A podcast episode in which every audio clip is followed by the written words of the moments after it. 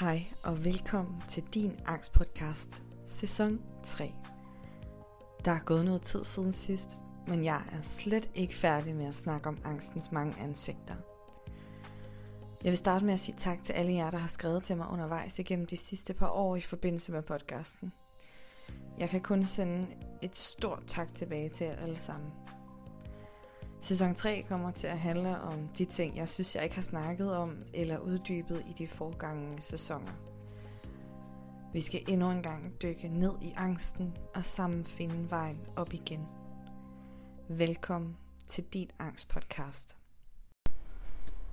Hej og velkommen til dette afsnit af din angstpodcast. Jeg har bevæget mig ud til mit nye hemmelige spot i Aarhus. Sådan lidt botanisk haveagtig. Ja, det er virkelig blevet et nyt favoritsted at gå. Meget sådan sjovt, at øh, det kom egentlig meget sådan ud af det blå. Jeg startede bare med, at jeg en dag vandrede lidt rundt, og så lige pludselig så fandt jeg det. Jeg ved ikke, om det er så hemmeligt, men altså, jeg føler, at det lidt er blevet mit hemmelige sted at gå.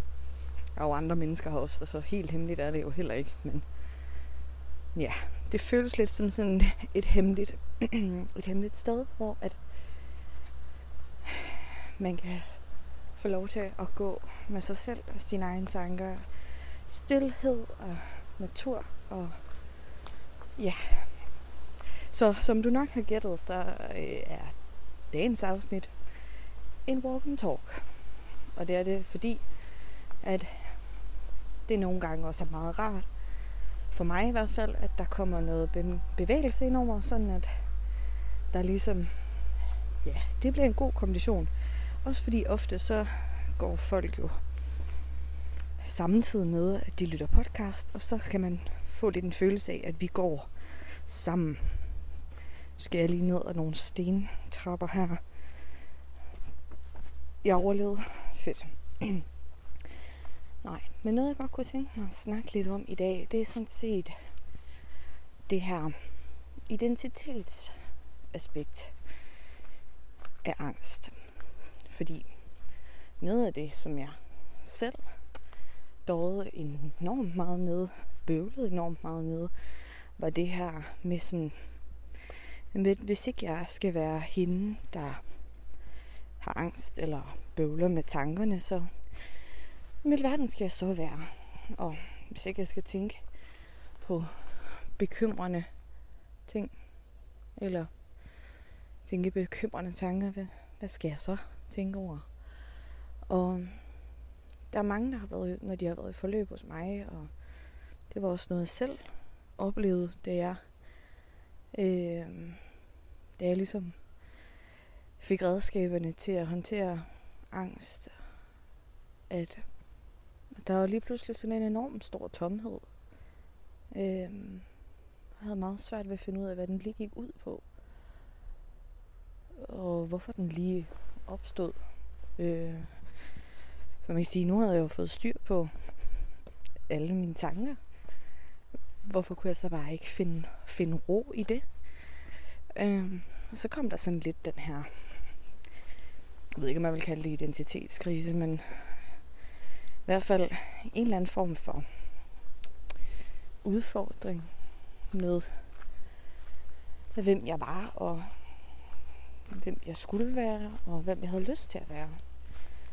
Hvad jeg havde lyst til at tænke på, hvad jeg havde lyst til at lave, hvad jeg havde ikke lyst til. Alle de her ting.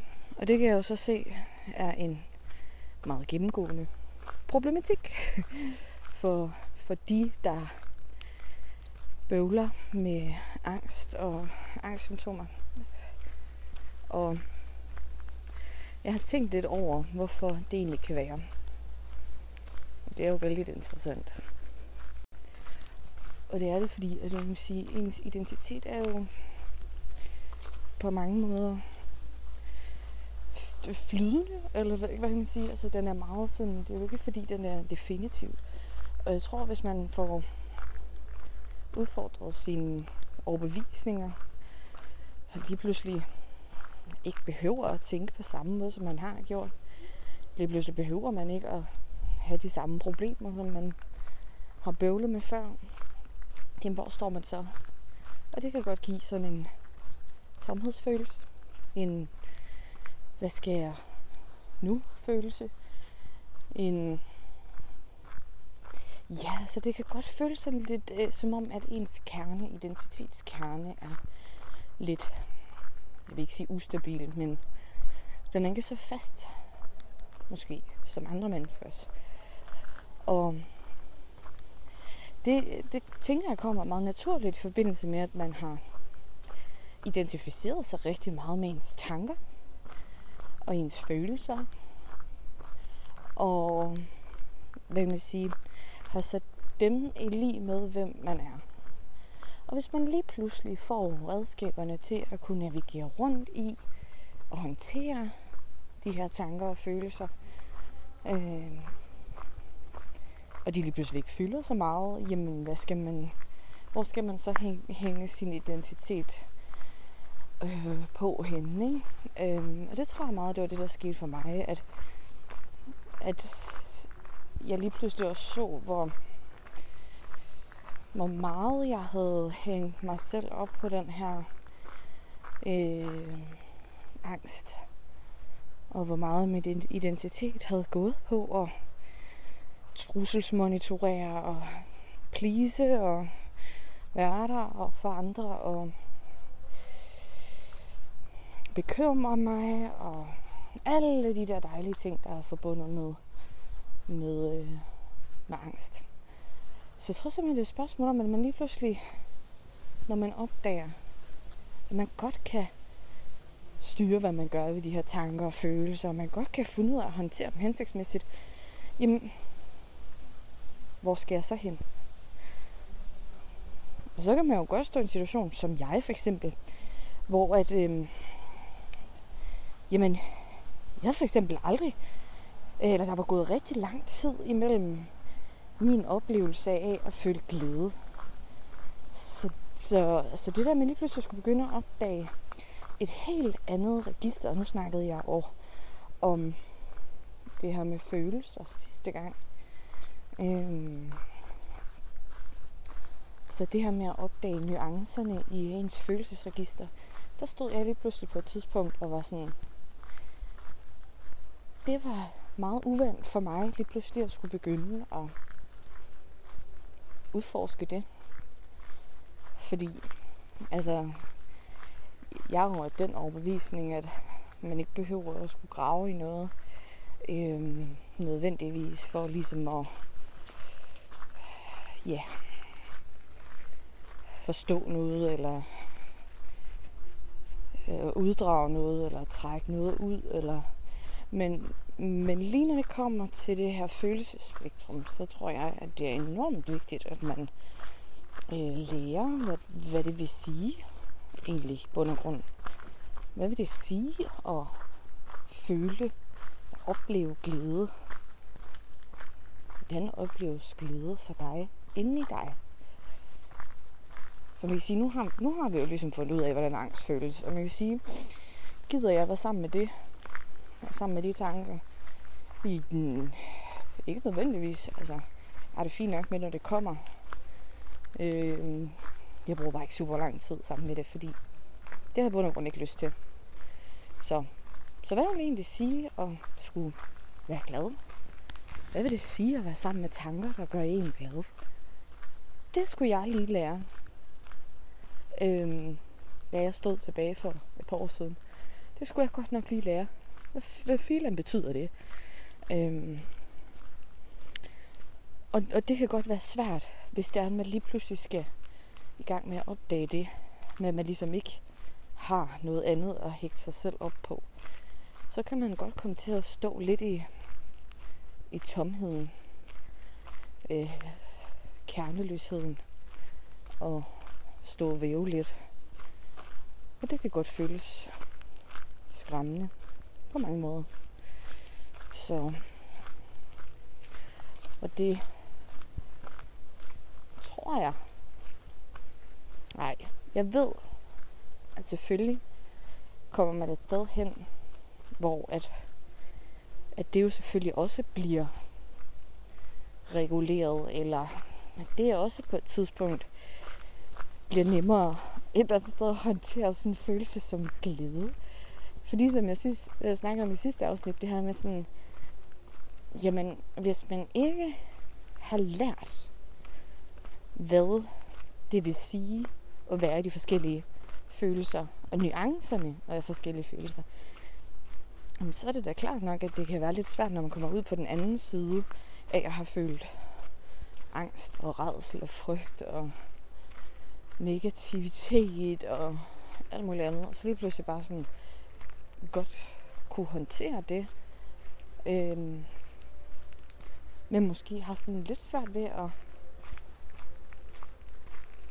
ja, finde ud af, hvordan man lige håndterer at være i glæde. Øh, uden at man skal forsøge at hvad kan man sige, trække den ud, hvis det giver mening. Altså, fordi det kan jeg huske, sådan havde jeg det i starten. Jeg havde sådan en enormt stor behov for at trække min glæde ud, eller strække min glæde ud. Øh, fordi lige pludselig så var der jo plads til, at jeg kunne føle glæde. Øh, fordi jeg havde fået, fået redskaberne til at kunne navigere, håndtere alle de andre ting.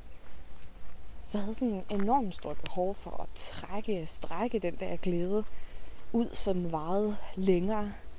Og det vil sige, at jeg sådan set brugte den samme strategi, som, som jeg måske også har gjort med nogle af de andre følelser. Øh, øh, bare omvendt, øh, at jeg har, for, jeg har gået i dialog med den, og har forsøgt at, ja, hvad kan man sige, akse og bakse og ælte den, sørge for, at den ligesom skulle vare i længere tid. På samme måde som når man omvendt forsøger at forkorte nogle følelser eller undertrykke dem, så tror jeg, jeg havde behov for, at jamen, så skulle følelsen af glæde eller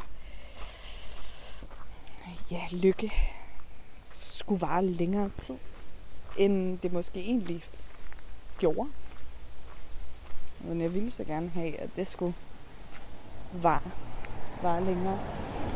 Kommer vi lige ud til en vej. Det er altid spændende at gå og snakke podcast, når der er så mange mennesker. Uhuh. Så jeg skal lige over en vej her. Og vi overlevede vejen nok en gang. Ja, jeg kom fra det her med at forsøge at trække en følelse ud, så den varede længere. Så, men på det tidspunkt, hvor jeg var, der tror jeg, at jeg havde enormt stort behov for, at der var noget nyt, der kunne fylde min identitet kop op. At jeg så, hvad kan man sige, nu har jeg været hende med angst i lang tid.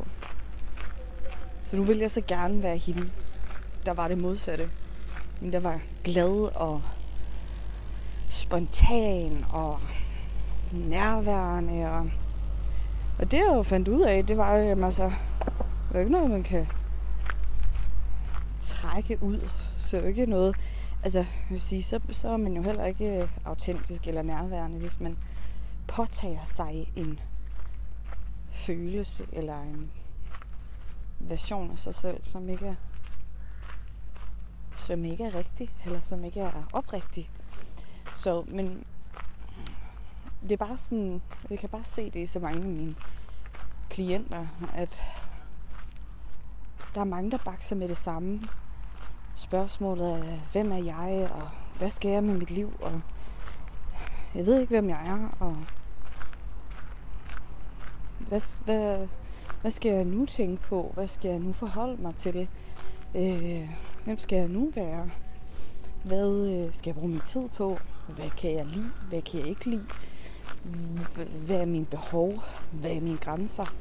Og lige pludselig står du, når du, når du er, hvert fald med mine klienter, når du står og har fået redskaberne og værktøjerne til at kunne navigere i forskellige følelser og og tanker, jamen, at du så står på den der, sådan, hvad skal jeg, med jeg, øh, så står du lige pludselig helt fin og ren, som et helt blankt stykke papir.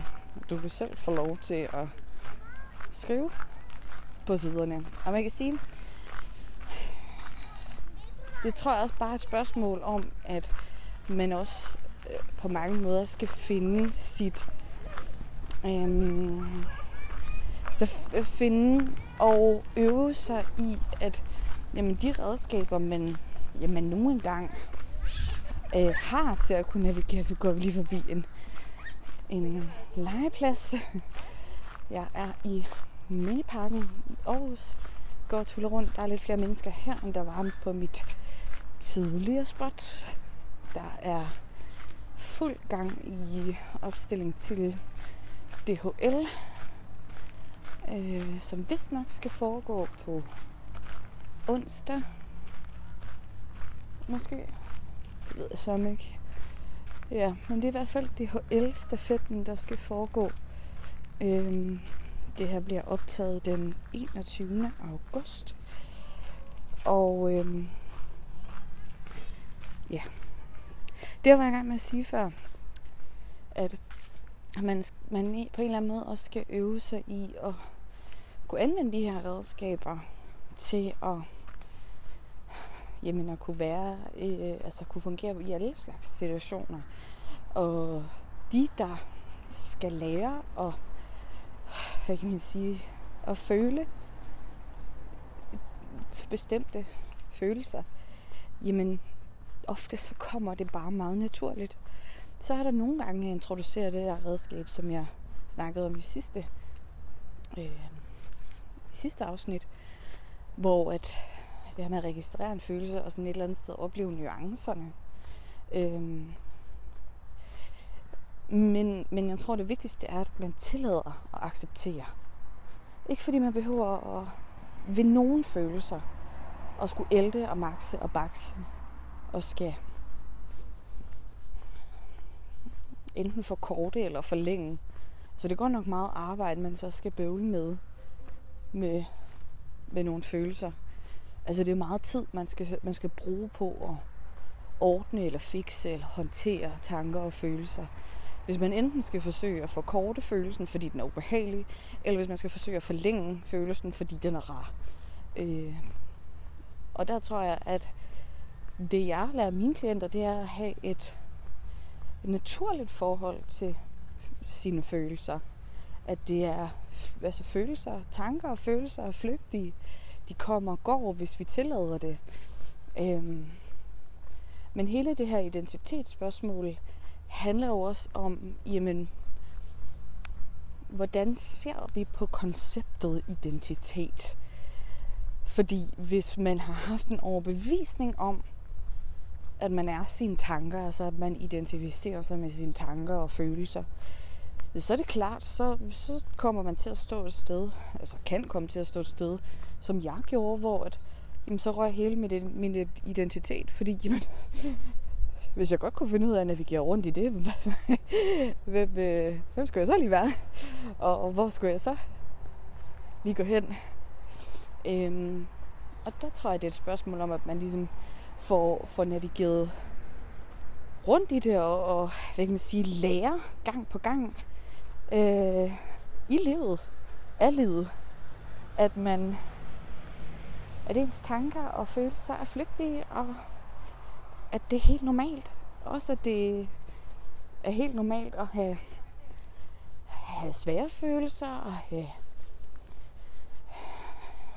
ja, sådan neutrale følelser. Det tror jeg også mange, de øh, hvad kan man sige, ser sådan noget negativt, at det her med at føle, altså at, at have en meget neutral øh, stemning, eller følelse, eller tænke meget neutralt, at det er på en eller anden måde sådan afstumpet.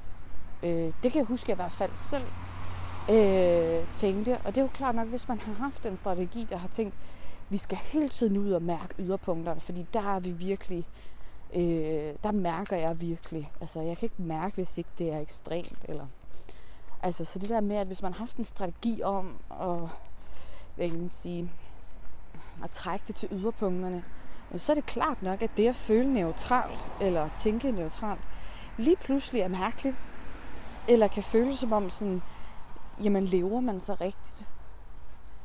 Og det er så nogle ting, jeg har reflekteret lidt over og kigget tilbage på sådan i retrospektiv, at, at jeg tror, jeg for mange gange har set, eller har tænkt og fortolket øh, neutrale tanker og følelser, som om jeg var afstumpet. Så, så, så, så, så gjorde jeg det ikke rigtigt. Øhm, og jeg tror i virkeligheden, at jamen, mm, som jeg siger før, tanker og følelser i os mennesker er flygtige. De kommer og går, hvis vi tillader det. Og på den måde, så kan man sige, jamen, hvis man tænker, øh, identificerer sig meget med sine tanker og følelser, jamen, så vil den jo også være flygtig indtil at man indtil at man har fundet en balance i det. Øhm, og som jeg også siger til mine klienter, sådan, jamen det fede ved at stå og ikke og være så klar i mailet omkring, eller have en oplevelse af, at man har øh, en klar følelse af, hvad man er, hvad man har lyst til, og hvad man ikke har lyst til. Mm, det er jo, at man kan prøve, prøve af at være nysgerrig. Fordi er man afholdende, eller er man nysgerrig? Så, og det tror jeg også vil være budskabet for den her podcast, at for det første, at der ikke er noget galt i at tænke eller føle neutrale tanker og følelser. Der er heller ikke noget galt i at tænke og føle svære tanker og følelser. Der er heller ikke noget galt i at tænke glade tanker og følelser. Eller at have glade følelser. At, at hvis vi får en accept af, at, at det er flygtigt på samme måde som alt muligt andet.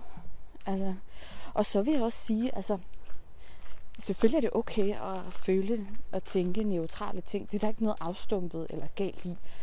Mm, og så, og så dertil vil jeg sige, at det også lige så meget er en oplevelse. Fordi vi mennesker er i, i bevægelse. Altså, så det, at du måske giver den her neutrale tanke eller følelse opmærksomhed, gør jo også lige pludselig, at hvis man griber fat i at, og holder fast i og øh, forlænger tanken omkring, at ej, har jeg godt nok meget neutrale tanker, og jeg føler egentlig ikke super meget lige nu ja, så er det også klart nok, at det vil komme til at fylde mere.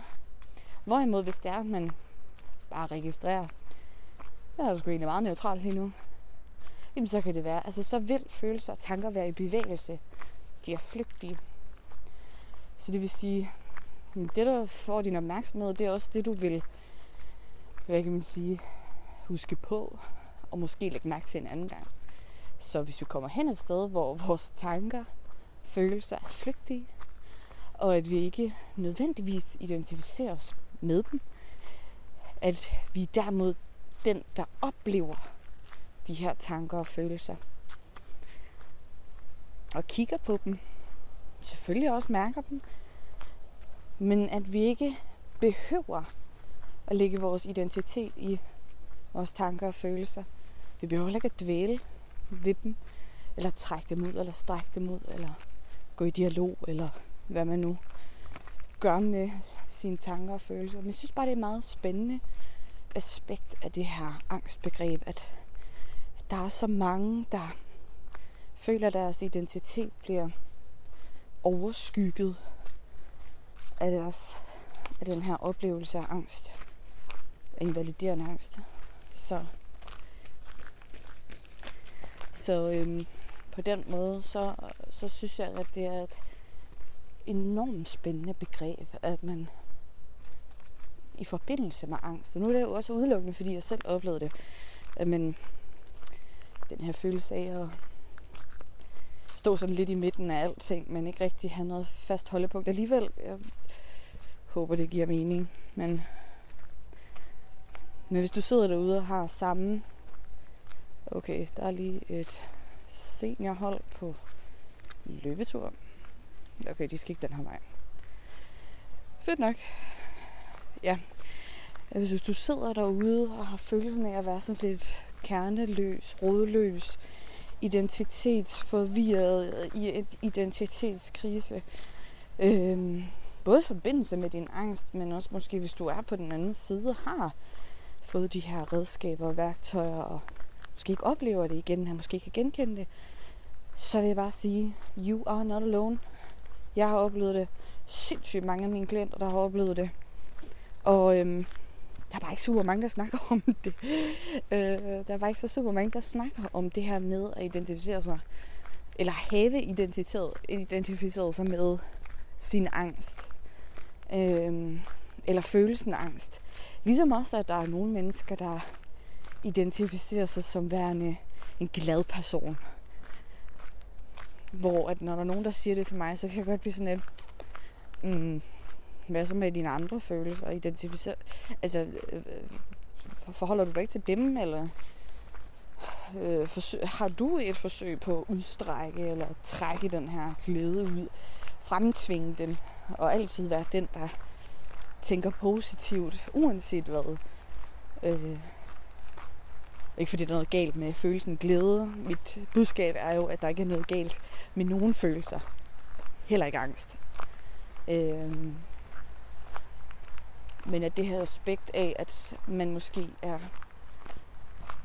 kommet ind i samme rille som med den glade person, og man er kommet ind i samme rille med, at når jeg har angst, jeg er sådan en, der har angst, øhm, at det på den måde så jo godt kan give et enormt stor identitetstabsfølelse, hvis den angst kommer ud af, ud af ligningen, ud af identitetsligningen. Og så er der også nogen, øh, som øh, ikke er klar til at slippe den. Og det har jeg også en enorm stor forståelse overfor. Øh, at den her øh, tryghed ved angsten. Og det kan lyde lidt paradoxalt, fordi angst er jo utryghed og ubehageligheder og masse bekymringer. Så det kan godt lyde lidt, lidt øh, paradoxalt. Men uanset hvad, nu er jeg lige ude ved en vej igen. Nej, jeg kan vist godt nå over her. Det ville være tragisk at blive kørt ned i en podcast om angst, ikke? Øhm, nej, men der er nogen, der har... Jeg, det tror jeg også selv, jeg, øh, jeg på mange måder et eller andet sted øh, kan, kan genkende det her med at, at være, være tryg i, eller øh, at angsten på en eller anden måde var så mm, genkendelig, så øh, ja, så, du ved, sådan, man ved ligesom godt, hvordan det føles. Og, og, og derfor så kan det godt blive en genkendelsesting. Man ved, hvordan at det føles.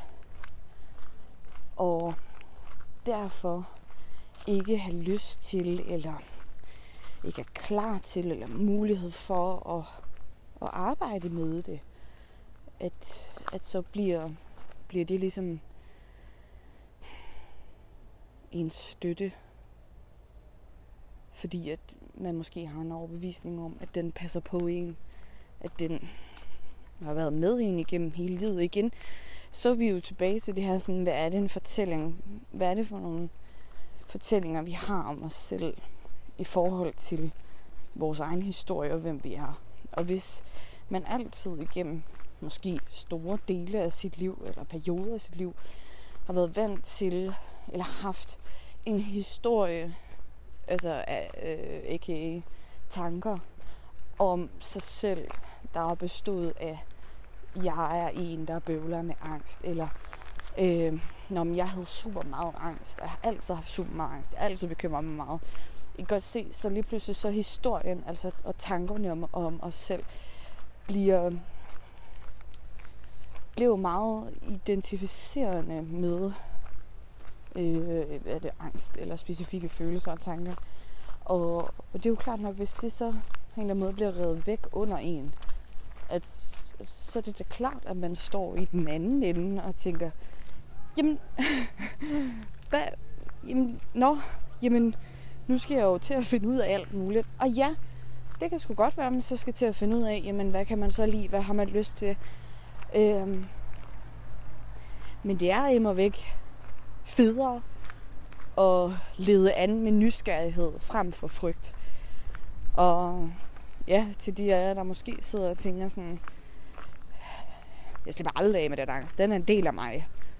Så vil jeg sige, ja, angst er en del af dig, fordi du er menneske på samme vilkår, på lige fod med andre følelser i os mennesker. Altså, det er ligesom vilkårene ved at være mennesker. Det er, at vi har følelser og tanker. Så ja, det vil altid være en del af dig. Spørgsmålet er, hvor stor en del af dig den skal have lov til at være. Om den overhovedet skal have så stor en plads, som du giver den. Og det er ikke et spørgsmål om at lægge skyld over på nogen. Det er et spørgsmål om, at jeg faktisk virkelig godt forstår, hvorfor at man tænker i de baner. Altså, jeg har selv været der. Jeg forstår det så godt.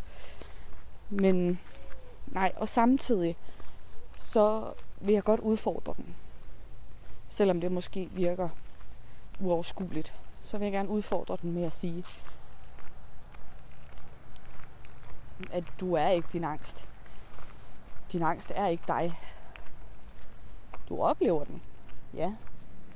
Og du oplever den i stor grad.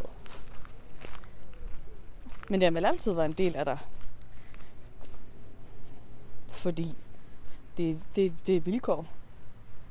Fordi den er en følelse, ligesom glæde og vrede og alt muligt andet. Og nu har den ligesom fået nok,